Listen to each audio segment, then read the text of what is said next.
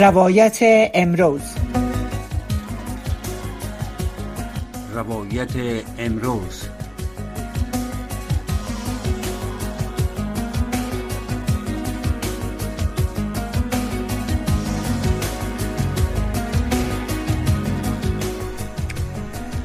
دلت به مسجد و میخانه آشنا نشده. از این همایش جسمی تنت رها نشده. نماز عشق همانا خضوع دل باشد. در این تکبر بیجا هوس جدا نشده.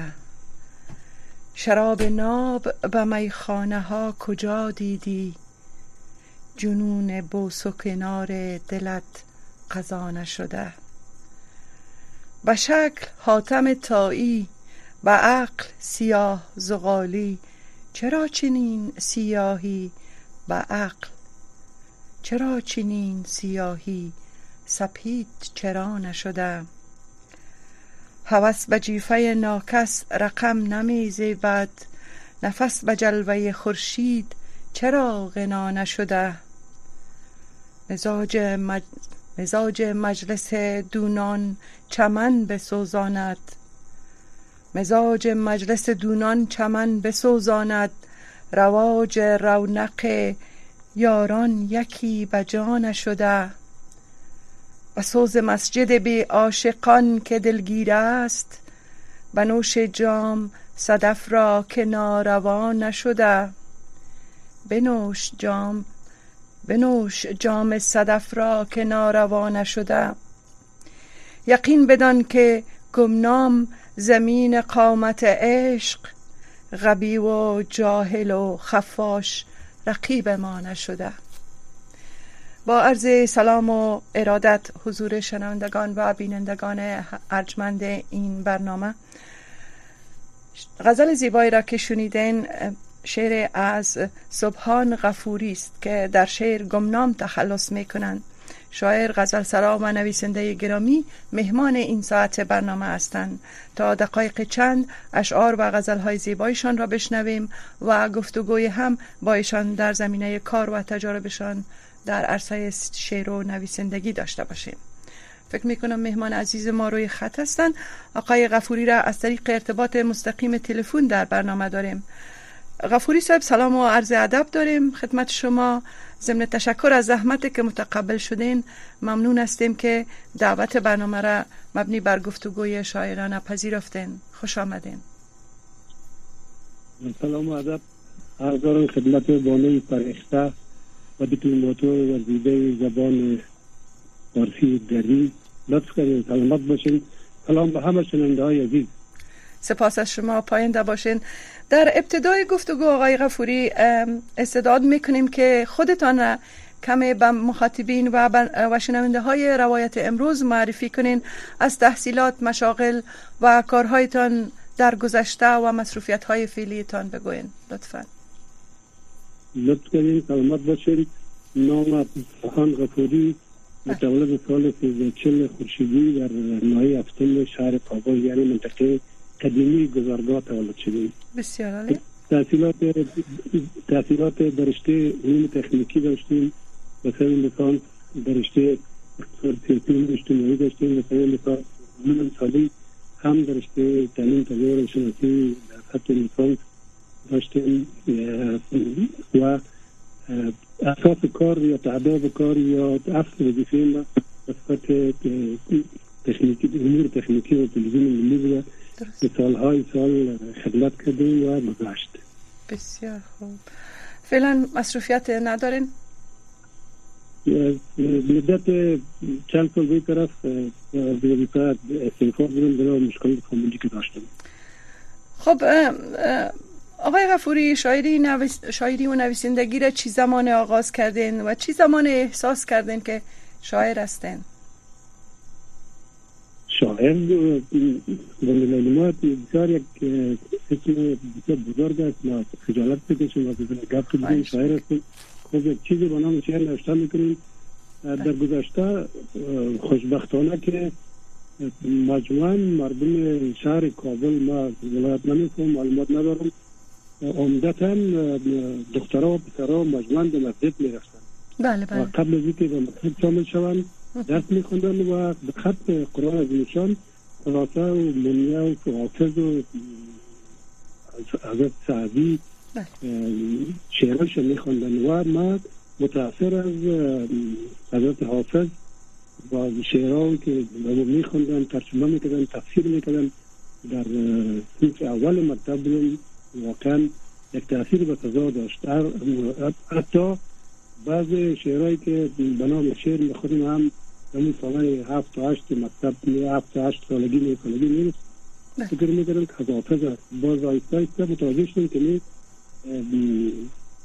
متاثر از شعر حافظ هستیم و کم کم کم کم شروع کردیم به شعر و یک سقوط کرد تا سال تا چهارده سالگی و آیسته آیسته و نوشتن داستان آغاز کردیم. و باز چرا داستان نویسی رو پای نگرفتین آقای رفوری؟ امی انحطاط فکری شامل محیط و ماحول میشه. بسیار فکر هر انسان مخصوصا کسایی که بخش مطبوعات یا بخش فکری یا ادبی کار می‌کنن بسیار زود متاثر میشن از محیط ماحول. شما ببینید که از سالهای پنجه دو تغییرات و تحولات سیاسی کشور بسیار مستقیما تاثیر مستقیم داره بالای افکار و اذهان مردم و بخصوص کسایی که در بخش ادب و عرفان و شعر و داستان و در مجموع مطبوعات کار می‌کنن. بله بله. خب امیدوار هستم که قطعات از از آثارتان روی دست داشته باشین که در وقفه ها از شما خواهش می‌کنیم برای ما بخوانین برای شنونده های ارجمند. ولی قبل از او که شما آمادگی برای شعر غزل هایتان داشته باشین با پرسش ها می‌پردازیم. آیا آثار و تعلیفات هم داشتین؟ از نوشته ها و اشعارتان مجموعه های شیری هم به چاپ رسیده از شما یا خیر؟ از مجموعه ده هزار بیتی که ما به اختیار دارم. درست. برعکس دیگه از دوستایی که به شعر علاقه دارن سال سالانه به شعرها رو طبقه بندی کردیم سال چند سال چند سال چند. متاسفانه متاسفانه که هر روزی که خواستیم که دیگر چاپ ببرم یک مرور مجدد مجدد مجدد صورت می‌گیره. ما نمیفهم که این توانایی ضعف ما هست یا می‌خواهیم که یعنی شعر پخته شده یا چیزی که عرضه می‌کنیم نتونست متاسفانه با وجودی که همه خودبندی شده بازم وقتی که نه مرور می‌کنیم بازم ببینیم که یک بیت میشه جین میشه و دوباره مرور می‌کنم وقتی که نه به سال 1350 با وجودی که اصل چوکات شعری که بسیار ساده و بسیار مقبول است می‌خوایم که این بیا به داخل یک چوکات یک فرم عروضی یا به اصطلاح یک چوکات داخل فرم قالب شعر به متاسفانه که شعر خطاب میشه ما ما به کلمات کوشش می‌کنیم بازی نکنیم. کلمات برای مردم برای برای اکثریت شاعر برای مردم بعد اکثریت مردم اکثریت مردم که باید از سیر حض ببرن مزد ببرن یک چیز بیاموزن یک رسالت نه باید و متاسفانه که ارتداد با کلمات بازی ندارن. یک قدر واجه های مستقیم برای در شعر استفاده می‌کنن استعمال می‌کنن که فکر نکنم که غیر بغیر از یک چند شاعر معدود دیگر اصلا معناش بفهمند خب وضعیت اول خب آقای غفوری شما ترجیح میتین ما شما را گمنام خطاب بکنم یا غفوری صاحب. بله بله بله بله ما گمنام هستیم به خاطر از که آشنایی بیشتره با مخاطبین داشته باشیم چون من خود واقف نبودم تا زمانی که اشعار شما را تا آخر چند غزل شما را مرور کردم و متوجه شدم که شما گمنام تخلص می‌کنین در شعر. بله بله بله بله بسیار خوب. آقای گمنام شما آثار گفتین آثار تعلیفاتتان هنوز موفق نشدین به چاپ برسه. وضعیت چاپ و انتشار کتاب در شهرتان چطور است؟ ما متاسفانه که مشکلات فامیلی از دوستی طرف ما اصلا از دنیا به خبر هستم خب. کلمه سعادت بسیار خوب. آقای گمنام می‌خوایم آل یک دو قطع از غزلیات شما را بشنویم. اگر لطف کنین و دو غزل بشنوونین برای ما و شنوندگان. ممنون شما. نفسم ده نفسم ده حواسم ده نه قفس بال و پرنده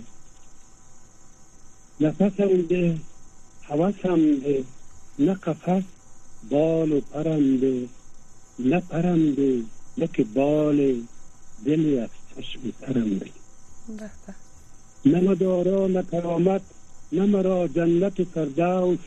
دل بیگانه چی داند؟ ری آشنا خبرم ده نه مرا چور جوانی مرا بار سفر هیچ نه زمانا به زمانم بیز در این سفرم ده در و دیوار به فرمان دل نادان چی داند؟ نه مرا تاج طلایی نه مرا شعن و فرنده چی تلسمه چی غزاله در شیران گرسنه چشم آشنا چی بکاره؟ زلف لیلا نظرم ده نه منم ترس معاد نه مرا شوق ازل بود. رخ در جلوه مایان می می در این سفرم در این سحرم ده. عالی بود. صف مسجد چه قناری صف مسجد چه قناری در میخانه گرفتم. نه چنین بود نه چنان. چشم بینا اثرم ده. چی کند عاشق گمنام نه نهال نه نمایان چی کند عاشق گمنام؟ نه نهانی نه نمایان که هزار جلوه نمایی. نه بسیمین گوهرم ده بسیار مذرب می‌خوایم واقعا زیبا بود و حز بردیم. آقای گمنام در قسمت ثبت طوری که با توجه به فرموده های شما بیشتر شما متاثر از غزلیات حافظ هستین. آیا بیشتر اشعار شما غزل است یا ای که سبک های دیگه هم در شعر شما دیده میشه؟ ما در اوایل متاثر از حضرت حافظ بودم و هنوزم علاقمند هستم اما ایستا ایستا گرایشون به طرف اشعار حضرت مولانا هم پیدا شده. چهار بیتی ها دو بیتی ها و اشعار سفید هم در زمره اشعار که غزل زیادتر است بلی است. بسیار عالی. خب میشه یک غزل دیگه هم بشنویم تا فرصت در دست است؟ یا تشکر خوش می‌کنم. نوی بشر نوی بشر. بله. در خانه جدا جدا پیمانه یکی. در خانه جدا جدا پیمانه یکی. مستانه جدا جدا میخانه یکی. یک حرف الف تا به قیامت کافی. دیوانه جدا جدا سولانه یکی. در عرش و فلک قصه گندم جاری. القصه جدا جدا افسانه یکی.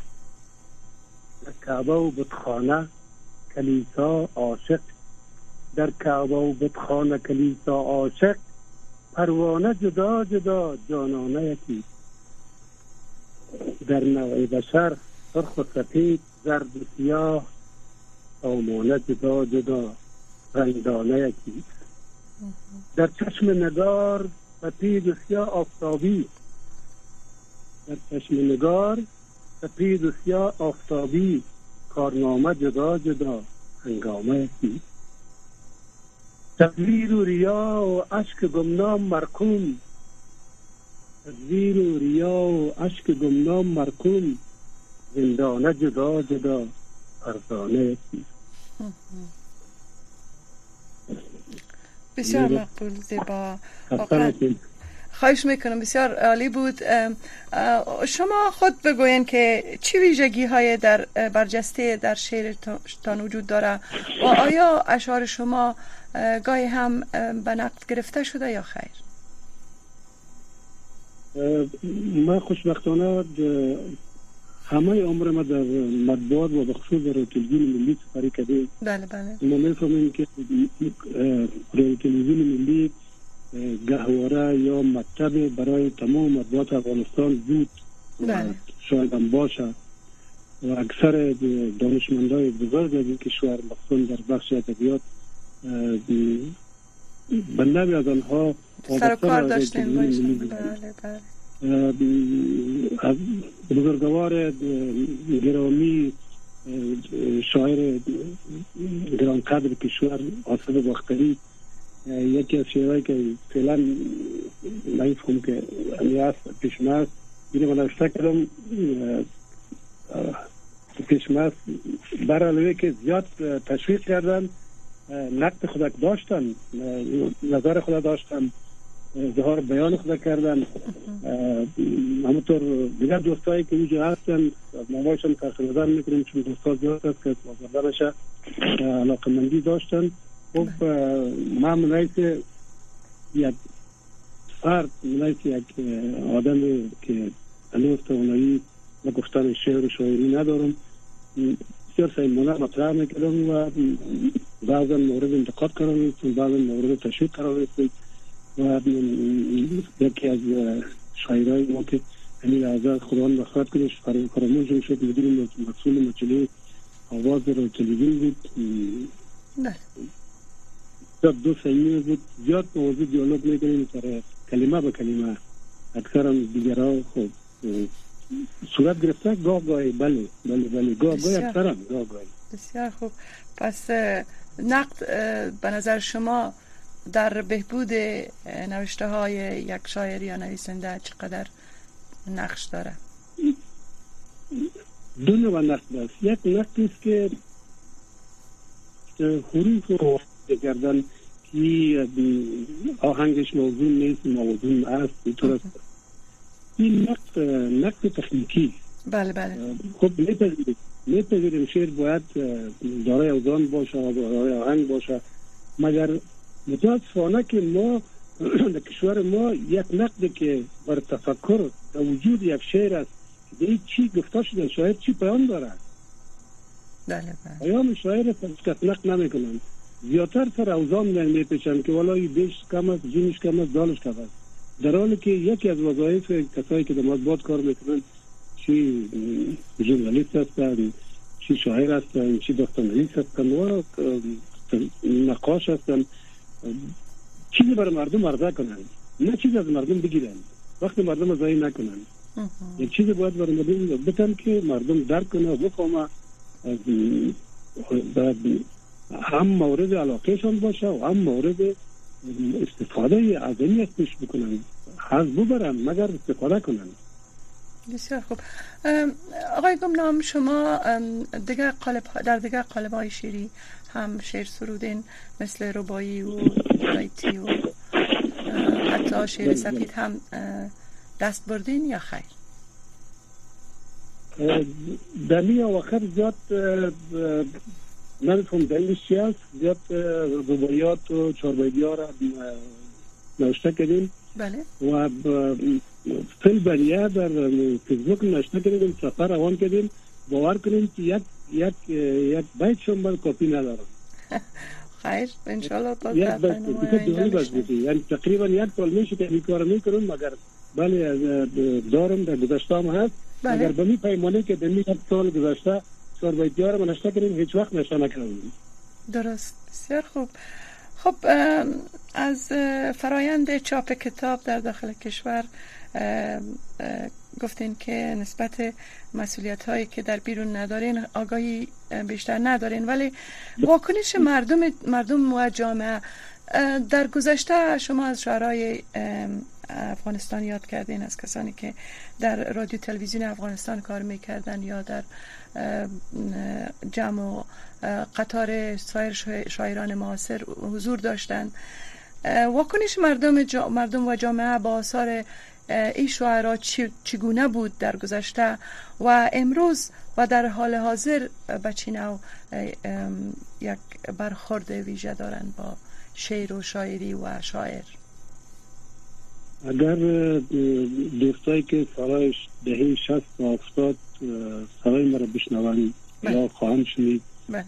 قضاوت خواهد کردن که ممکن نخود دوباره تکرار شد که مقدار چاپ کتاب از اشعار از آثار داخلی دانشمندای افغانستان با پیمانی که هر سیمینار که ما می رفتیم اضافه از پنج شش تا ده تا بیست کتاب جدید چاپ میشه و یک علاقمندی خاص مردم با کتاب و کتابخانی و خصوص کتابخانی داشت.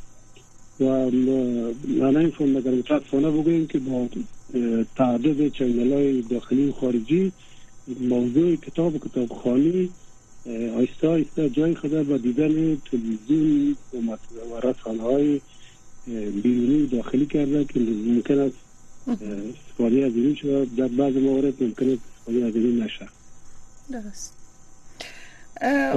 چاپ کتابخانی آیسته آیسته آیسته به طرف زمان بله. آینده شعر افغانستان چگونه بررسی می‌کنین؟ یک سوال مشکل است. خب مردم افغانستان وارد صاحب ذوق هستند صاحب رسالت هستند وظایف خود دانشمندا انجام میتن امیدوار هستیم بهتر شود. به نظر شما آیا شاعر باید یک انگیزه داشته باشد تا شعر به و یا یک حالت معنوی باید, باید به او دست بده یا صرف انگیزه و الهام باعث سرایش شعر میشه. هر شاعر یک فکری خود داره. یک دوم شعر حسی بهتر است شعر حسی بهتر است مثلا شما یک گدا را پشت خانه کن می‌بینید با پای برهنه کمک نقدی می‌کنید برش مگر یک شاعر کمک نقدی نمی‌کنه و تصویر می‌کشه.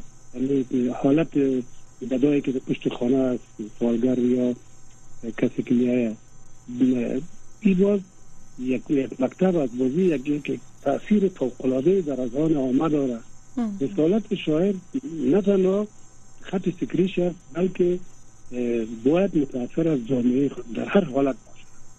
یکی از وظایف شاعر رسالت است. و بیشتر مرد کنم که نه حکایت.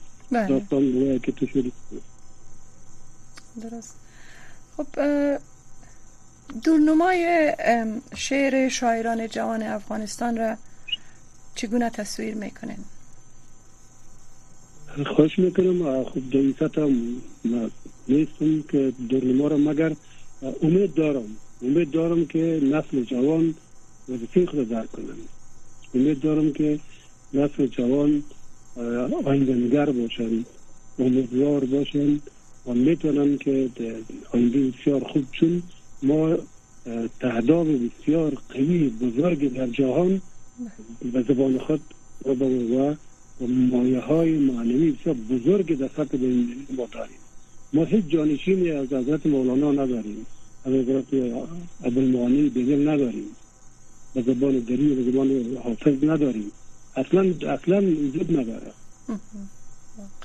اگر جوانای ما با, در با درکی رسالت تاریخی با درکی وظیفه که در, در قبالشان موجود است یک امانت است مولانا یک امانت است ما باید این ادامه بتیم حضرت بیدل یک امانت است ما باید این ادامه بتیم به نظر شما جهانبینی شاعر تا چه اندازه می‌تونه در ساختن تمدن کمک بکنه؟ خب اگر جانبینی شاعر سیاسی نباشه خوب است. اگر جانبینی اگر ایدئولوژیک نباشه خوب است. اگر جانبینی جانبینی شاعر بر مبنای تفکر علمی اجتماعی کشور باشه و فراتر باشه باز بهترتر است. شعر شعر محدوده کار نداره. شعر اندیشه کار داره. شعر مایه کار داره. شعر زبان قلب مردم کار داره. نه زبان کلمات خب زبان کلمات هم شامل از است. اما در, در زبان کلمات باید یک اندیشه یک جوهر وجود داشته باشه. و مثل که مولانا میگه یادت ابو المعالی بدون میگه. در شعری که جیب سجود وجود داشته باشه اون شعر نیست. و ما نریم به طرف دیگه به طرف طرف طرف حرکت نکنیم. با کلمات بازی نکنیم. خب چند لحظه کوتاه از برنامه باقی مانده.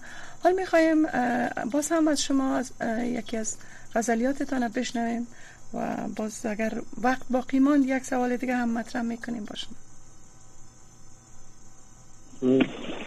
ما می‌خوایم که شعر کوتاه قبل از غزل اگر فرصت باشه شعر سفید شکسته و ریختار خدمت آن کنم. خواهش می‌کنم بفرمایید مشنویم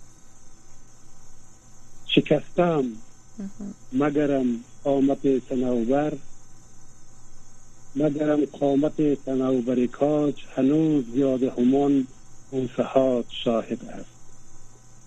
خمیدم چی کنم؟ برگ برگ عشق تو را. پرنده های جوانی دوباره می‌خوانم به. رسیده عطر تو در انتظار آینه ها. هوای عشق تو به این بهار می آید.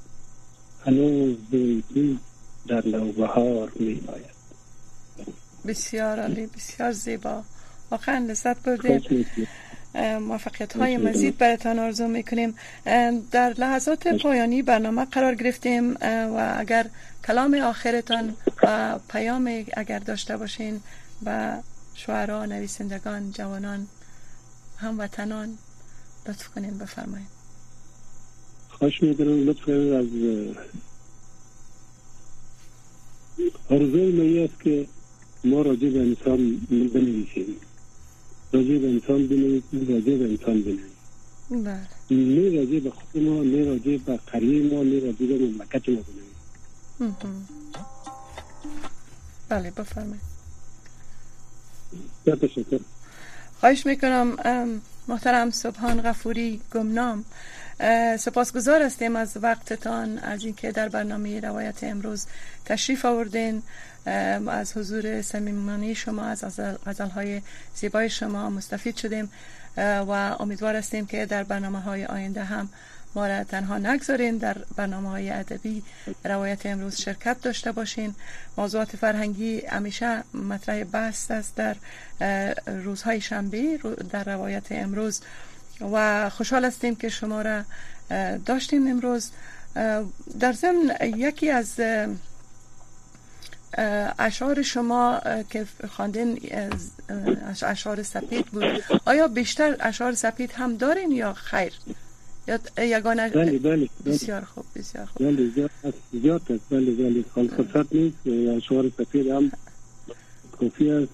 دارم و فرصت مناسب اگر حتما در یک فرصت دیگه بازم شما زحمت میتیم خوشحال شدیم از حضور صمیمانی شما در برنامه و امیدوار هستیم که به زودی مجموعه شیری شما به چاپ برسه و اقبال چاپ بیافه و به دست علاقمندان شعر. موفقیت های مزید شما آرزوی ماست. تشکر می‌کنیم. سپاس مجدد. بسیار تشکر از شما. هم از برنامه هم کارای برنامه هم. تشکر. سپاس از شما. شنوندگان ارجمند برنامه روایت امروز در همینجا خاتمه میابد برنامه بعدی صدای شماست که در خدمت شما و تماس های تلفنی شما خواهیم بود. خدا نگهدار.